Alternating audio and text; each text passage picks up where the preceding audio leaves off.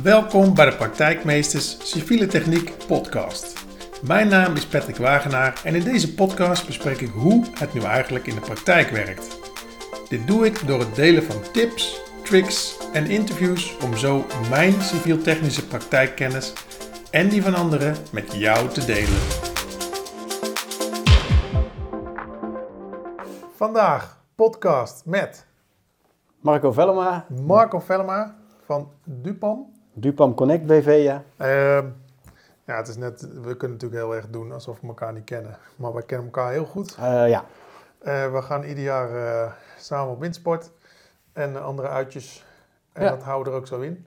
Dat blijft gewoon doorgaan. Ja. Maar wij zitten in een, ehm, nou ik wil niet zeggen een heel ander vakgebied, maar het sluit op elkaar aan. En daarom dacht ik, ik vind het wel interessant om jou een keer aan tafel te hebben. Omdat het vakgebied waar jij in zit, eh, energie, eh, een, een behoorlijk grote impact heeft op eh, ja, het vakgebied waar ik in zit, de civiele techniek. En toen dacht ik, om- eens een, een beetje een beeld te schetsen voor de kijkers en de luisteraars, ehm, wat er op ons afkomt, dacht ik het is goed om Marco aan tafel te hebben. Ja, en wat er op ons afkomt, wat er al is ook, hè. Even, dat, is, dat is ook onderdeel daarvan. En misschien is het goed om heel even een stapje terug te doen, dat je even vertelt, eh, we weten nu dat je Marco Vellema eh, heet. Ja. Ik weet eh, dat je in Doetinchem woont met een vrouw en twee dochters. Klopt. Ehm, hoe ben jij zeg maar in, in dit vakgebied gekomen? En vertel even wat over de historie. Ja. Nou, hoe ben ik in het vakgebied gekomen, zeg maar, ehm, is, ik heb een milieukundeopleiding gedaan. Dus daar is het ooit, ooit begonnen, zeg maar. Nou ja, dan ga je specialiseren. Toen ben ik van afval naar energie gegaan eh, op een gegeven moment. Hè. Afval is uiteindelijk nu ook energie, maar daar komen we straks misschien nog wel wat verder op. Ehm, en vanuit die hoedanigheid ben ik eh, via allerlei regiofuncties eh, en bij een eh detacheerder gewerkt, zeg maar, heb ik ook allerlei functies op civiele gebied gehad om daar eh, projectleider voor te zijn. Dus ik heb heel veel functies gehad om eh, energie ook, waar energie eigenlijk de rode draad ook in is. Ja, en waar je ook energie van krijgt. En waar ik zeker energie van krijg. En, en soms ook wel wat moeite mee heb, maar eh, dat is ook waar we nu in zitten. Ja, Dat is ook maar- de uitdaging. Nou ja, dan is wel, vind ik wel een, een legitieme vraag. Waar krijg jij energie van? Dat is om een beetje een beeld te schetsen wat jij doet in je dagelijkse Ja. werk. Nou, wat ik doe in mijn dagelijkse... Ik krijg energie van eh, problemen oplossen. Dus het moet voor mij... Ik, ik krijg geen energie van beheersen. Ik krijg energie als... Hé hey, jongens, hier ligt een uitdaging. Hoe gaan we dit nou in vredesnaam met elkaar doen? Nou, Ja. Dat zie je ook wel terug in mijn opdrachten. Mijn huidige opdracht gaat bijvoorbeeld over het aanleggen van een warmtenet in de gemeente Zevenaar. Kijken of we dat voor elkaar kunnen krijgen of niet. En waar loop je dan allemaal tegenaan? Mhm.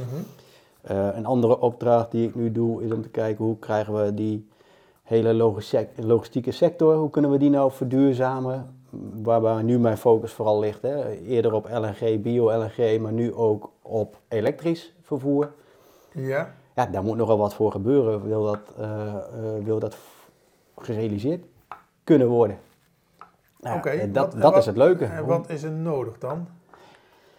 Ja, ehm, het- dat verschilt. Hè? Dat verschilt heel erg. Want als je naar warmte kijkt, zijn er, eh, zijn er heel veel oplossingen die kunnen werken. Maar er zijn eigenlijk maar twee hoofdsmaken die nodig zijn. Hè? Dus als ik woningen wil verwarmen, hè, met name de bestaande bouw en nieuwbouw, is allemaal niet zo heel spannend. Dat kun je nog wel gewoon aanleggen, Ja, in veel gevallen. Maar bij bestaande bouw gaat het over hoe krijgen we dat aardgas de deur uit. Ehm, ja, dan heb je twee smaken. Je hebt of warm water de woning in zien te krijgen, zodat je die woning kunt verwarmen. Of je gaat naar elektriciteit. Hè? En, je, en je elektrisch. zou nog iets van alternatieve gassen kunnen hebben. Maar dat is dan, daar hebben we er niet genoeg van, dus dat is toch kleinschalig nog. ja is dat het zijsprongetje naar waterstof? Eh, dat is het zijsprongetje naar waterstof, eh, wat echt wel voor de hele lange termijn is, waar we op korte termijn ook niet zo eh, in gaan zitten. En waarvan mijn persoonlijke mening is, waarom gaan we woningen verwarmen op 20 graden met het verbranden van een gas op 800 graden, zeg maar. Nou ja, dat, eh, terwijl er andere oplossingen zijn, die ook goed werken. Oké. Dus daar zit al, eh, daar, daar hoor je al mijn mening in dat ik, dat ik in ieder geval voor dat stukje voor waterstof niet zo heel veel ruimte zie. Dus daar zie ik Ja. vooral elektrisch en, en warmtenetten eh, als opties. Moet zo wel je bekertje, als je het met je bekertje doet, Oh ja. dan worden luisteraars helemaal Ja, gek van zeker. een beker. Even voor de mensen die niet kijken. Eh, Marco heeft een leeg bekertje in zijn hand. ja. Zo doen we dat altijd hè, in de kroeg. Nee, in de kroeg doen we nieuwe glazen. ja. Ja. Ehm, je gaf al aan, er- komt een energietransitie aan. Da- nou, iemand die dat niet weet, heeft onder een steen gelegen. Ehm, er wordt heel vaak geroepen energietransitie. Maar als ik dat nou even, als je, kun jij het voor mij terugbrengen in Jip en Janneke taal? Wa- wat gaat er gebeuren en waar, welke kant gaan we op? Eh, wat gaat er gebeuren? Ehm, fossiele brandstoffen, dus alles wat op basis van aardolie, aardgas, et cetera is, eh, daar gaan we niet meer gebruiken Mhm. in de toekomst. Nou, dat klimaateffect, daar ga ik even vanuit dat ook jouw, eh, jouw luisteraars dat, dat wel weten, zeg maar. Opwarming van de aarde, dijken verhogen, te, veel water, te warm, te koud. Ja, Allemaal Dat excessen hè, die erin in optreden. Hè. Dus Ja. het is niet zo van, oh, het wordt alleen maar warmer. Ja, zo is het ook niet. Het kan ook kouder worden. Eh, dat is het hele klimaateffect. Dus eh, een warme zomer zegt nog niks over klimaat. Mhm. Ehm, maar alle consequenties zijn wel dat inderdaad meer water komt. Dus dat de zeespiegel gaat stijgen, dat we de dijken moeten ophogen. Hè. Ik weet niet waar iedereen woont, maar als je in de Randstad woont, dan woon je gewoon een aantal meter beneden zeeniveau. dan zit je in een risicogebied. Nou, ja, hè, even, eh, da- daar zijn we ook heel slim in hoe we daarmee om willen gaan in Nederland. Maar dat is een heel ander uitgangspunt. Ja. Eh, maar wat er op je af gaat komen is dus dat het aardgas, die fossiele brandstoffen gaan weg. Nou, die gebruiken we natuurlijk voor mobiliteit. Die verbruiken, gebruiken we om woningen eh, te verwarmen. Die gebruiken we om productieprocessen te gebruiken in de industrie.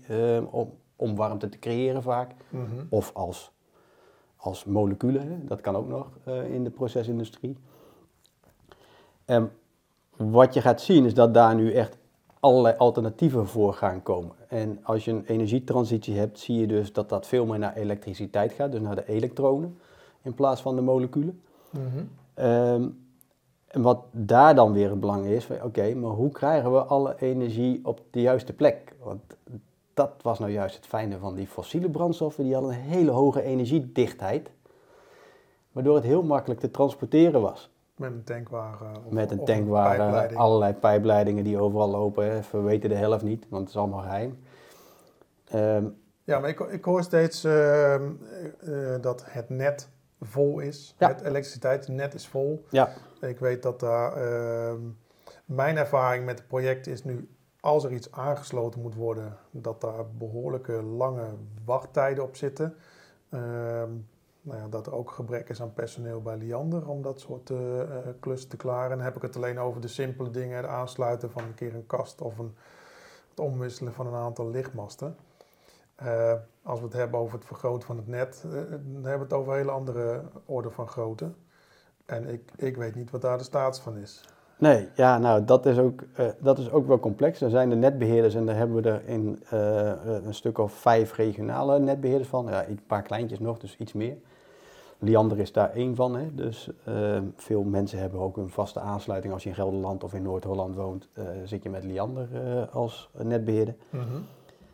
Ehm, die netten zijn, maar je hebt naast Liander, dat is de regionale netbeheerder, heb je ook de landelijke netbeheerder, dat is Tennet. Mhm. Eh, Dus dus doet het- al het groot, alle hoog. ja, dat zijn alle hoogspanningskabels die je vaak bovengronds ziet lopen, soms ook ondergronds. Ehm, ja, wat, je nu, wat we nu bijvoorbeeld in Gelderland hebben, even, dat is een beetje het werkgebied waar ik in zit.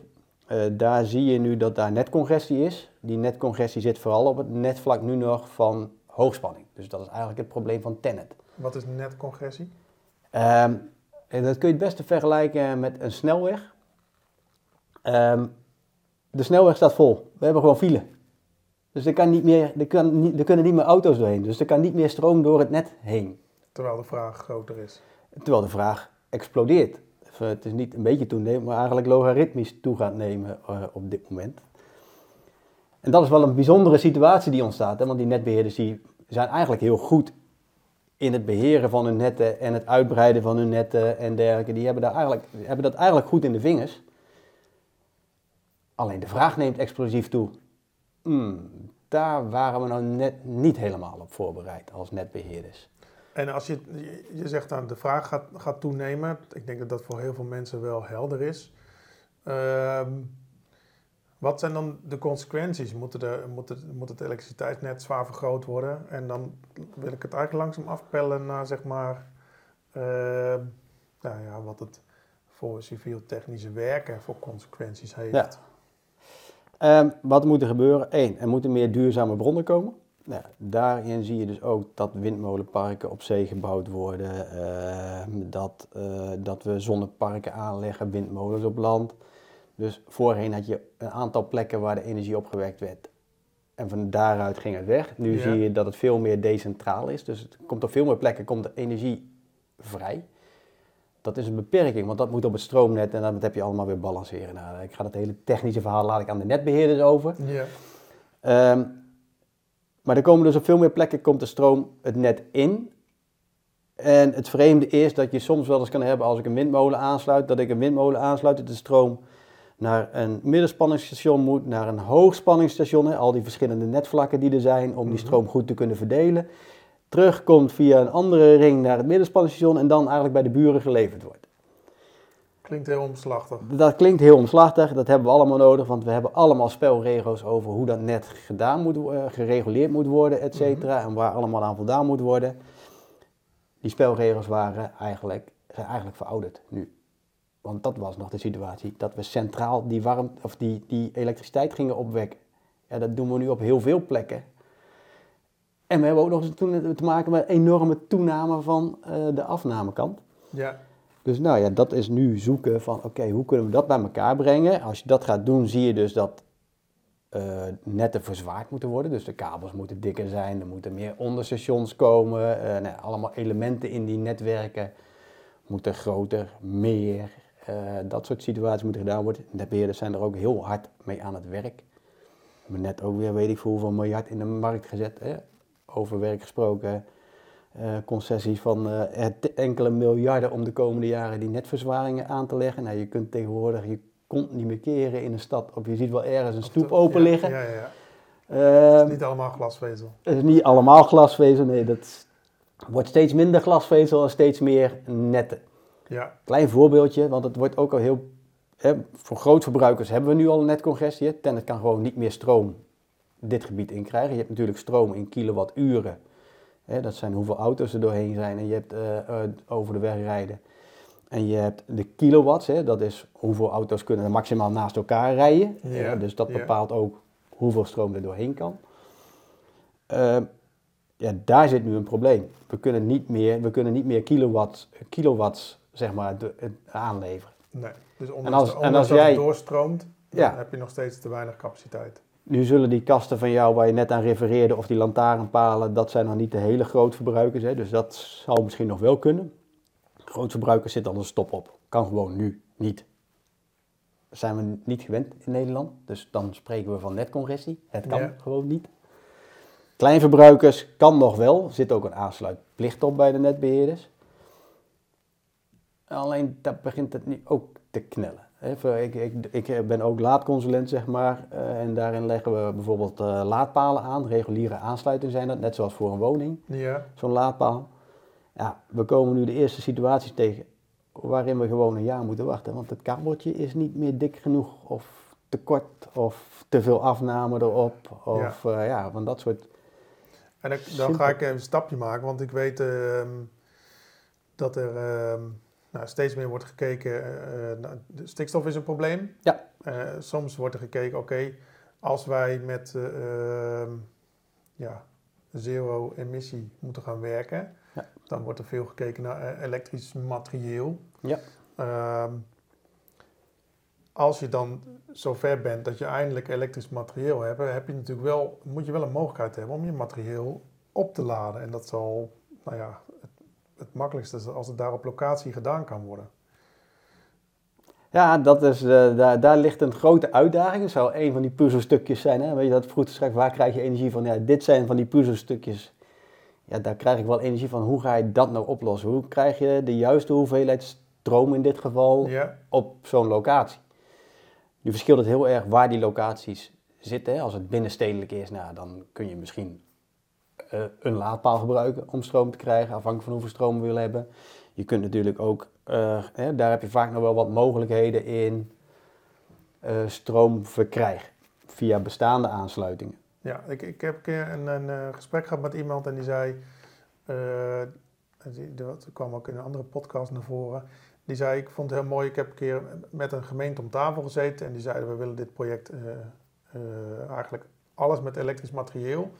En om dat voor te bereiden hebben wij al een, ja, een elektriciteitskast neergezet en niet een kleintje, maar een behoorlijke grote, want die hadden zelf al uitgerekend met hoeveel materieel eh, je dit werk zou moeten maken en wat dan eh, de, de stroomvraag zou zijn. Ja. En eh, nou, ik dacht, kijk, nu gaan we al de goede kant op. Er wordt al vooruit gedacht dat die zaken die nodig zijn om zo'n project te realiseren, dat die er eigenlijk al Ja. Van tevoren zijn. Ik heb het idee dat het lang niet altijd gebeurt. Eh, als het al gebeurt, is het, is het echt een pre. Maar dan nog eh, kom je in volgens mij behoorlijk lange wachttijden. Dus het kan echt, echt heel veel effect hebben op, je, op de realisatie van je project. Eh, ja, dat kan zeker. Je ziet, kijk, wat ik net, de situatie die ik net schetste, er is nog stroom beschikbaar. Hè? Want er is op zich wel stroom beschikbaar, maar geen Ja. aansluiting. Dus Nee. Als je stroom kunt gebruiken van een bestaande aansluiting, is dat heel mooi. Dat is binnenstedelijk nog wel te doen. Ga je een nieuwbouwwijk realiseren, daar ligt nog geen kabel. Hè? Dat moet allemaal aangelegd worden. Daarvan, en, als je dat ook nog zero-emissie wil doen, eh, zijn er wel mogelijkheden. De nationale, nationale agenda Laadinfra heeft daar ook een rekentool voor gemaakt. Voor ja, als je zoveel woningen hebt, wat heb je dan aan materieel nodig en welke aansluiting heb je nog nodig? Nou, die zijn best interessant om te kijken of je als gemeente, als opdrachtgever, eh, misschien, hè, of als opdrachtgever misschien in algemene zin al een aansluiting kunt aanvragen voor het hele gebied. Voordat je überhaupt die woningen daar hebt. Hè? Want die aansluiting ga ik straks toch gebruiken om die woningen te kunnen voeden. Ja, ik wou zeggen, die tool is alleen om, om uit te rekenen wat zo meteen de vraag is van de woningen op het net. Aan het net. En die kan je nog Nee, voordat die tool is ook om welke, welke middelen heb je daarvoor nodig. Zero-emissie, bouwmaterieel heb je daarvoor nodig ja. om daar dan in te zetten. En, en matcht dat ook een beetje. eh. hè, en dat, nou ja, dat zal ook proefondervindelijk nog wel aangescherpt worden. Want er zitten natuurlijk ook allemaal aannames. Zit er ook het civiele deel in? Eh, dat weet ik niet helemaal zeker. Maar daar, eh, dan moet je eens een keer met Jan van Rookhuizen gaan praten. Die kan dat heel mooi eh, verwoorden om te kijken wat daar allemaal in zit. eh. Ja, die, die, de volgende die staat nog op mijn lijstje. Staat die op je lijstje staat, nog? ja, staat op mijn lijstje als volgende gast. Ja. Oké. ja. Ehm, Ja, maar het probleem gaat natuurlijk wel ontstaan. Want dit zijn nog situaties waarin er bij de eindsituatie ook stroom nodig is. Ja, Ehm, en daar kan vertraging in zitten. Dat, dat, daar gaan we niet aan ontkomen ook. Maar je hebt natuurlijk ook die situaties waarin, bijvoorbeeld dijkverzwaringen, waarin aan het eind helemaal geen stroomverbruiker zit. nee. Ja, dan dus, is, eh, dan de- is het puur voor de bouw. En dan is het puur voor de bouw en dan wordt die al een stuk complexer. Want dat zijn ook vaak hele zware grondverzetmachines, et cetera, die een hoog verbruik, eh, energieverbruik hebben. Ja, Ja, dan ga je toch naar alternatieven kijken met generatoren, met zonnepanelen of met batterijen. Met, eh, ja, weet je, dat is toch het maatwerk wat dan ook maar op zo'n locatie gedaan moet ik hoor je zeggen worden. generator. Dan denk ik in de meeste graafmachines, de oude, zit dan een soort generator. En het is eigenlijk in de vorm van een dieselmotor. Nou ja, dat is een beetje zo'n... Kijk, een, een transitie gaat niet vanzelf. Hè? Dat is met vallen en, en opstaan. Dus dat betekent dat we gewoon soms nog niet de juiste oplossing hebben om het helemaal te kunnen doen. Dan zou ik nog wel met een dieselaggregaatje kunnen werken om bijvoorbeeld een batterij op te kunnen laden. Om wel hoog vermogens te kunnen leveren. Dus dat betekent niet dat ik een enorme dieselaggregaat moet hebben om stroom te kunnen leveren. Maar dan kan ik met een klein dieselaggregaatje werken. Is dat de ideale eindsituatie? Nee, zeker niet. Het is, Ehm, is, het, komen is, het, tot- is, het goed, is het een goed verhaal? Nee, ook niet. Is het soms nodig voor de realiteit? Ja, ik ben bang dat het soms wel nodig is voor de realiteit. En dat is ook wel de fase waar we nu in zitten. We zijn met iets nieuws bezig, wat we nog niet uitontwikkeld hebben. Ja, want er zijn natuurlijk doelen gesteld. ehm, ja, om binnen afzienbare tijd eigenlijk eh, de emissie helemaal terug te gaan brengen. Eh, persoonlijk denk ik eh, dat het misschien politieke doelen zijn. En ik vraag me af of die ook daadwerkelijk gerealiseerd kunnen gaan worden. Wetende hoeveel tijd de processen in beslag nemen, zeg maar, om uiteindelijk eh, goed do- doorlopen te worden. Hoe kijk jij daarnaar? Eh, Daar zit zeker een spanningsveld in. Hè. Je ziet het nu bijvoorbeeld bij auto's. Hè. Daar zegt de Europese Unie zegt in 2035 mogen ze eh, geen emissie meer uitstoten. Dus die fossiele brandstoffen die moeten er, zijn eruit. Ja. Nou, dan heb je waterstof, je hebt elektrisch, je hebt, nou, ja, biogas, bio-LNG. Dus je hebt nog wel wat smaken die dan nog kunnen. Maar bij bio-LNG, nou, dat is wel een beetje twijfelachtig, want die heeft ook nog uitstoot. Ehm, wat je ziet is dat bijvoorbeeld de Volkswagens en de grote producenten gaan daar nu echt, echt in voort. Hè. Je ziet het aantal elektrische auto's, het aantal modellen enorm toenemen. Je ziet er steeds meer op de weg rijden. Ja. Alleen de snelheid zit ook, is het betaalbaar? Hebben we genoeg laadinfra? Eh ja, weet je, dat zijn de elementen waar we nu heel hard mee aan het werk zijn. Hè? Dat zien mensen misschien nog niet eens, maar even voor, voor logistieke voertuigen zijn we nu heel hard aan het voorbereiden, omdat we weten dat die vraag er in 2026, 2030 ergens gaat komen. ja. Verwachtingen, weten is achteraf, maar we verwachten dat die dan ergens gaat komen. Maar die, de, de vraag zal daarbij vele malen hoger zijn dan een standaard elektrische auto. Ja, dus dat betekent dat we nu die locaties aan het bepalen zijn, waarbij we ook weten dat ze pas in tweede, over vijf jaar, zes jaar, zeven jaar gerealiseerd zijn. Ja. Maar als ik het nu niet doe, Dan ben je gewoon te laat. weet ik zeker dat ik te laat ben. Want dan moet er een onderstation vergroot worden door de netbeheerder, kost vijf, zes jaar. Ja, dus we moeten nu zoveel mogelijk die blik vooruit durven te werpen en daar ook, hè, maar dat moeten we als maatschappij Nederland, hè, dat ligt niet bij één partij. Dat zijn overheden, eh, ondernemers, eh, netbeheerders, dat, dat zijn we als maatschappij, moeten we dat lef dus hebben. Ja. Dat is best spannend, hè, want dat zijn we niet gewend. Nee, ja, en waar ligt dan, eh jij zegt als maatschappij moeten we het hebben. Wie zou er in de kart trekken moeten zijn? Ja, vooralsnog zal dat de overheid zijn, maar het zullen ook ondernemers kunnen zijn. Hè? Want even over zero-emissie bouw gesproken, de voertuigen komen nu zo langzamerhand, hè? of de, de instrumenten, voertuigen, ja, ik zit nog met mijn laadinfra, met mijn Ja, de, voertuig, maar de, materieel. het materieel Ja. begint nu te komen. Hè? Misschien nog in ombouwfases of iets dergelijks, maar het begint ook, eh, op sommige, sommige elementen beginnen nu ook van de band vanaf de fabriek te komen, zeg maar, elektrisch. Dus ja, dat gaat komen. Ja, Wat ik wel mooi vind overigens, is dat die hele sector in die civiele wereld zegt van ja, weet je, als we dat moeten gaan doen, dan moeten we het gewoon gaan doen. Lekker pragmatisch. Nou, Ja, dan gaan we het gewoon doen. Ja. Dat is heerlijk. Levert wel weer voor overheden en netbeheerders andere problemen op. ja. maar dat, dat zien we dan wel. We gaan het gewoon doen. Ja, we gaan het gewoon doen. Ja. Heerlijk. En zo- moeten we er ook in gaan zitten met z'n allen. We moeten het gewoon gaan doen. En ja, het kost geld. Ja, het kost geld. Veranderingen kosten geld. Eh, als eh, mensen nu bezig zijn en die lopen ehm, nou ja, tegen projecten aan waar ze met een ARIES-berekening uitkomen. En die ARIES-berekening geeft eigenlijk als uitkomst, eh u kunt u niks doen. Wat, wa- wa- wat zijn mogelijkheden die ze hebben? Waar, waar kunnen ze naar kijken om, om toch die, die werkzaamheden door te laten gaan? Ik vraag het ook voor mezelf, want ik zit er middenin. Dus op Ja, nou ja, dat, eh, dat is best lastig. Maar kijk, als je, als je zero-emissie uitstoot hebt qua aanleg, kijk, ehm, ja, dan ben je natuurlijk een heel eind. Het hangt er een beetje vanaf waar die berekeningen dan mank lopen. Hè. Kan ook op eh, materialen zijn volgens mij, want die worden ook meegenomen, uitstoot. Ehm, ja, je- ik, ik denk dat de hele sector, en dat is natuurlijk makkelijk praten voor de Duravermeers en de Heijmans en de grote jongens, eh, al echt wel weten wat er kan. Die weten haarfijn wat er kan en niet kan. Dan moet nog steeds het materieel wel beschikbaar zijn. Hè? Maar Ja. daar zijn allerlei programma's via dat ENI-netwerk volgens mij. Ik weet even niet meer waar de afkorting voor staat. Maar wat, wat is het voor programma?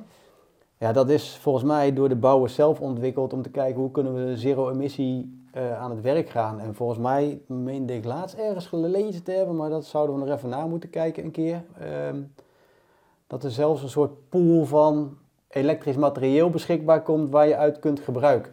Oké, zodat niet Dus dan iedereen kun je dan gewoon een beetje de boels, hè, een soort boels van ja, weet je, we Ja. huren gewoon het materieel zodat we het ook kunnen inzetten. Ja, Dat maakt het voor de kleinere ondernemers in deze sector wel makkelijker. Hè? Want die investeringen zijn nog steeds wel hoog die je nu moet doen in zero-emissie materieel. ja misschien als je uh, zometeen de link nog weet, dan zetten we hem even... eh, Ja, dan Zet zet, hem jij, zet jij hem even onder Dan zet ik hem even onder eh. in de bio. Dan kunnen ja. mensen erop klikken en dan hebben ze gelijk die site eh, eh, zichtbaar. Ja. Eh, ik vraag mensen altijd, eh, eh, zie jij jezelf als een praktijkmeester? En eh, dat doe ik nu bij jou ook. Het zit op Ja. een iets ander vakgebied, maar ehm, Nou ja, weet je, ehm, soms raak je ook, eh, merk je gewoon dat je heel veel ervaring hebt. eh, en denk ik wel van, joh, weet je, volgens mij kunnen we die kennis die we nu opdoen heel goed delen. Dus ja, ik zie mijzelf wel als praktijkmeester. Doe je het in de praktijk al? Nee, dat nog in beperkte mate. Al zie je wel dat ik eh, ook steeds meer met jongere collega's werk om ook die kennis te verspreiden. En we nu bijvoorbeeld voor die logistieke voertuigen heel erg aan het kijken zijn van, joh, oké, hoe kunnen we zorgen dat er veel meer mensen mee aan het werk gaan? ja, Nu is het nog een klein groepje wat ermee bezig is. Ja, daar gaan we de oorlog niet mee winnen, zeg maar. nee, maar daar dat, zijn natuurlijk- dat zijn de pioniers die. die dat zijn de opstarten, pioniers, maar je moet dus wel nadenken over opschaling. Dus hoe krijgen we nou eh, meer mensen aan dit thema eh, te werken? Hè? Datzelfde geldt voor zero-emissiebouw. We zijn nu, eh, hè, wordt er vanuit de landelijke agenda laadinfra, is er een opleiding gestart over hoe gaan we om met logistiek laden. Ja, interessant natuurlijk. Hè? Dan ga ik een beetje schaalvoordelen krijgen. Ja.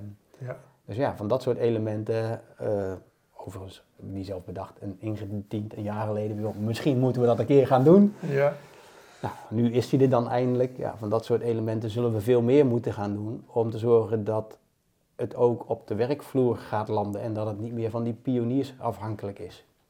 ja, uiteindelijk is dat natuurlijk een, een beweging die in gang wordt gezet. Je hebt, bij een beweging heb je altijd een aantal mensen die, die nemen het voortouw. En daarna wordt het langzaam.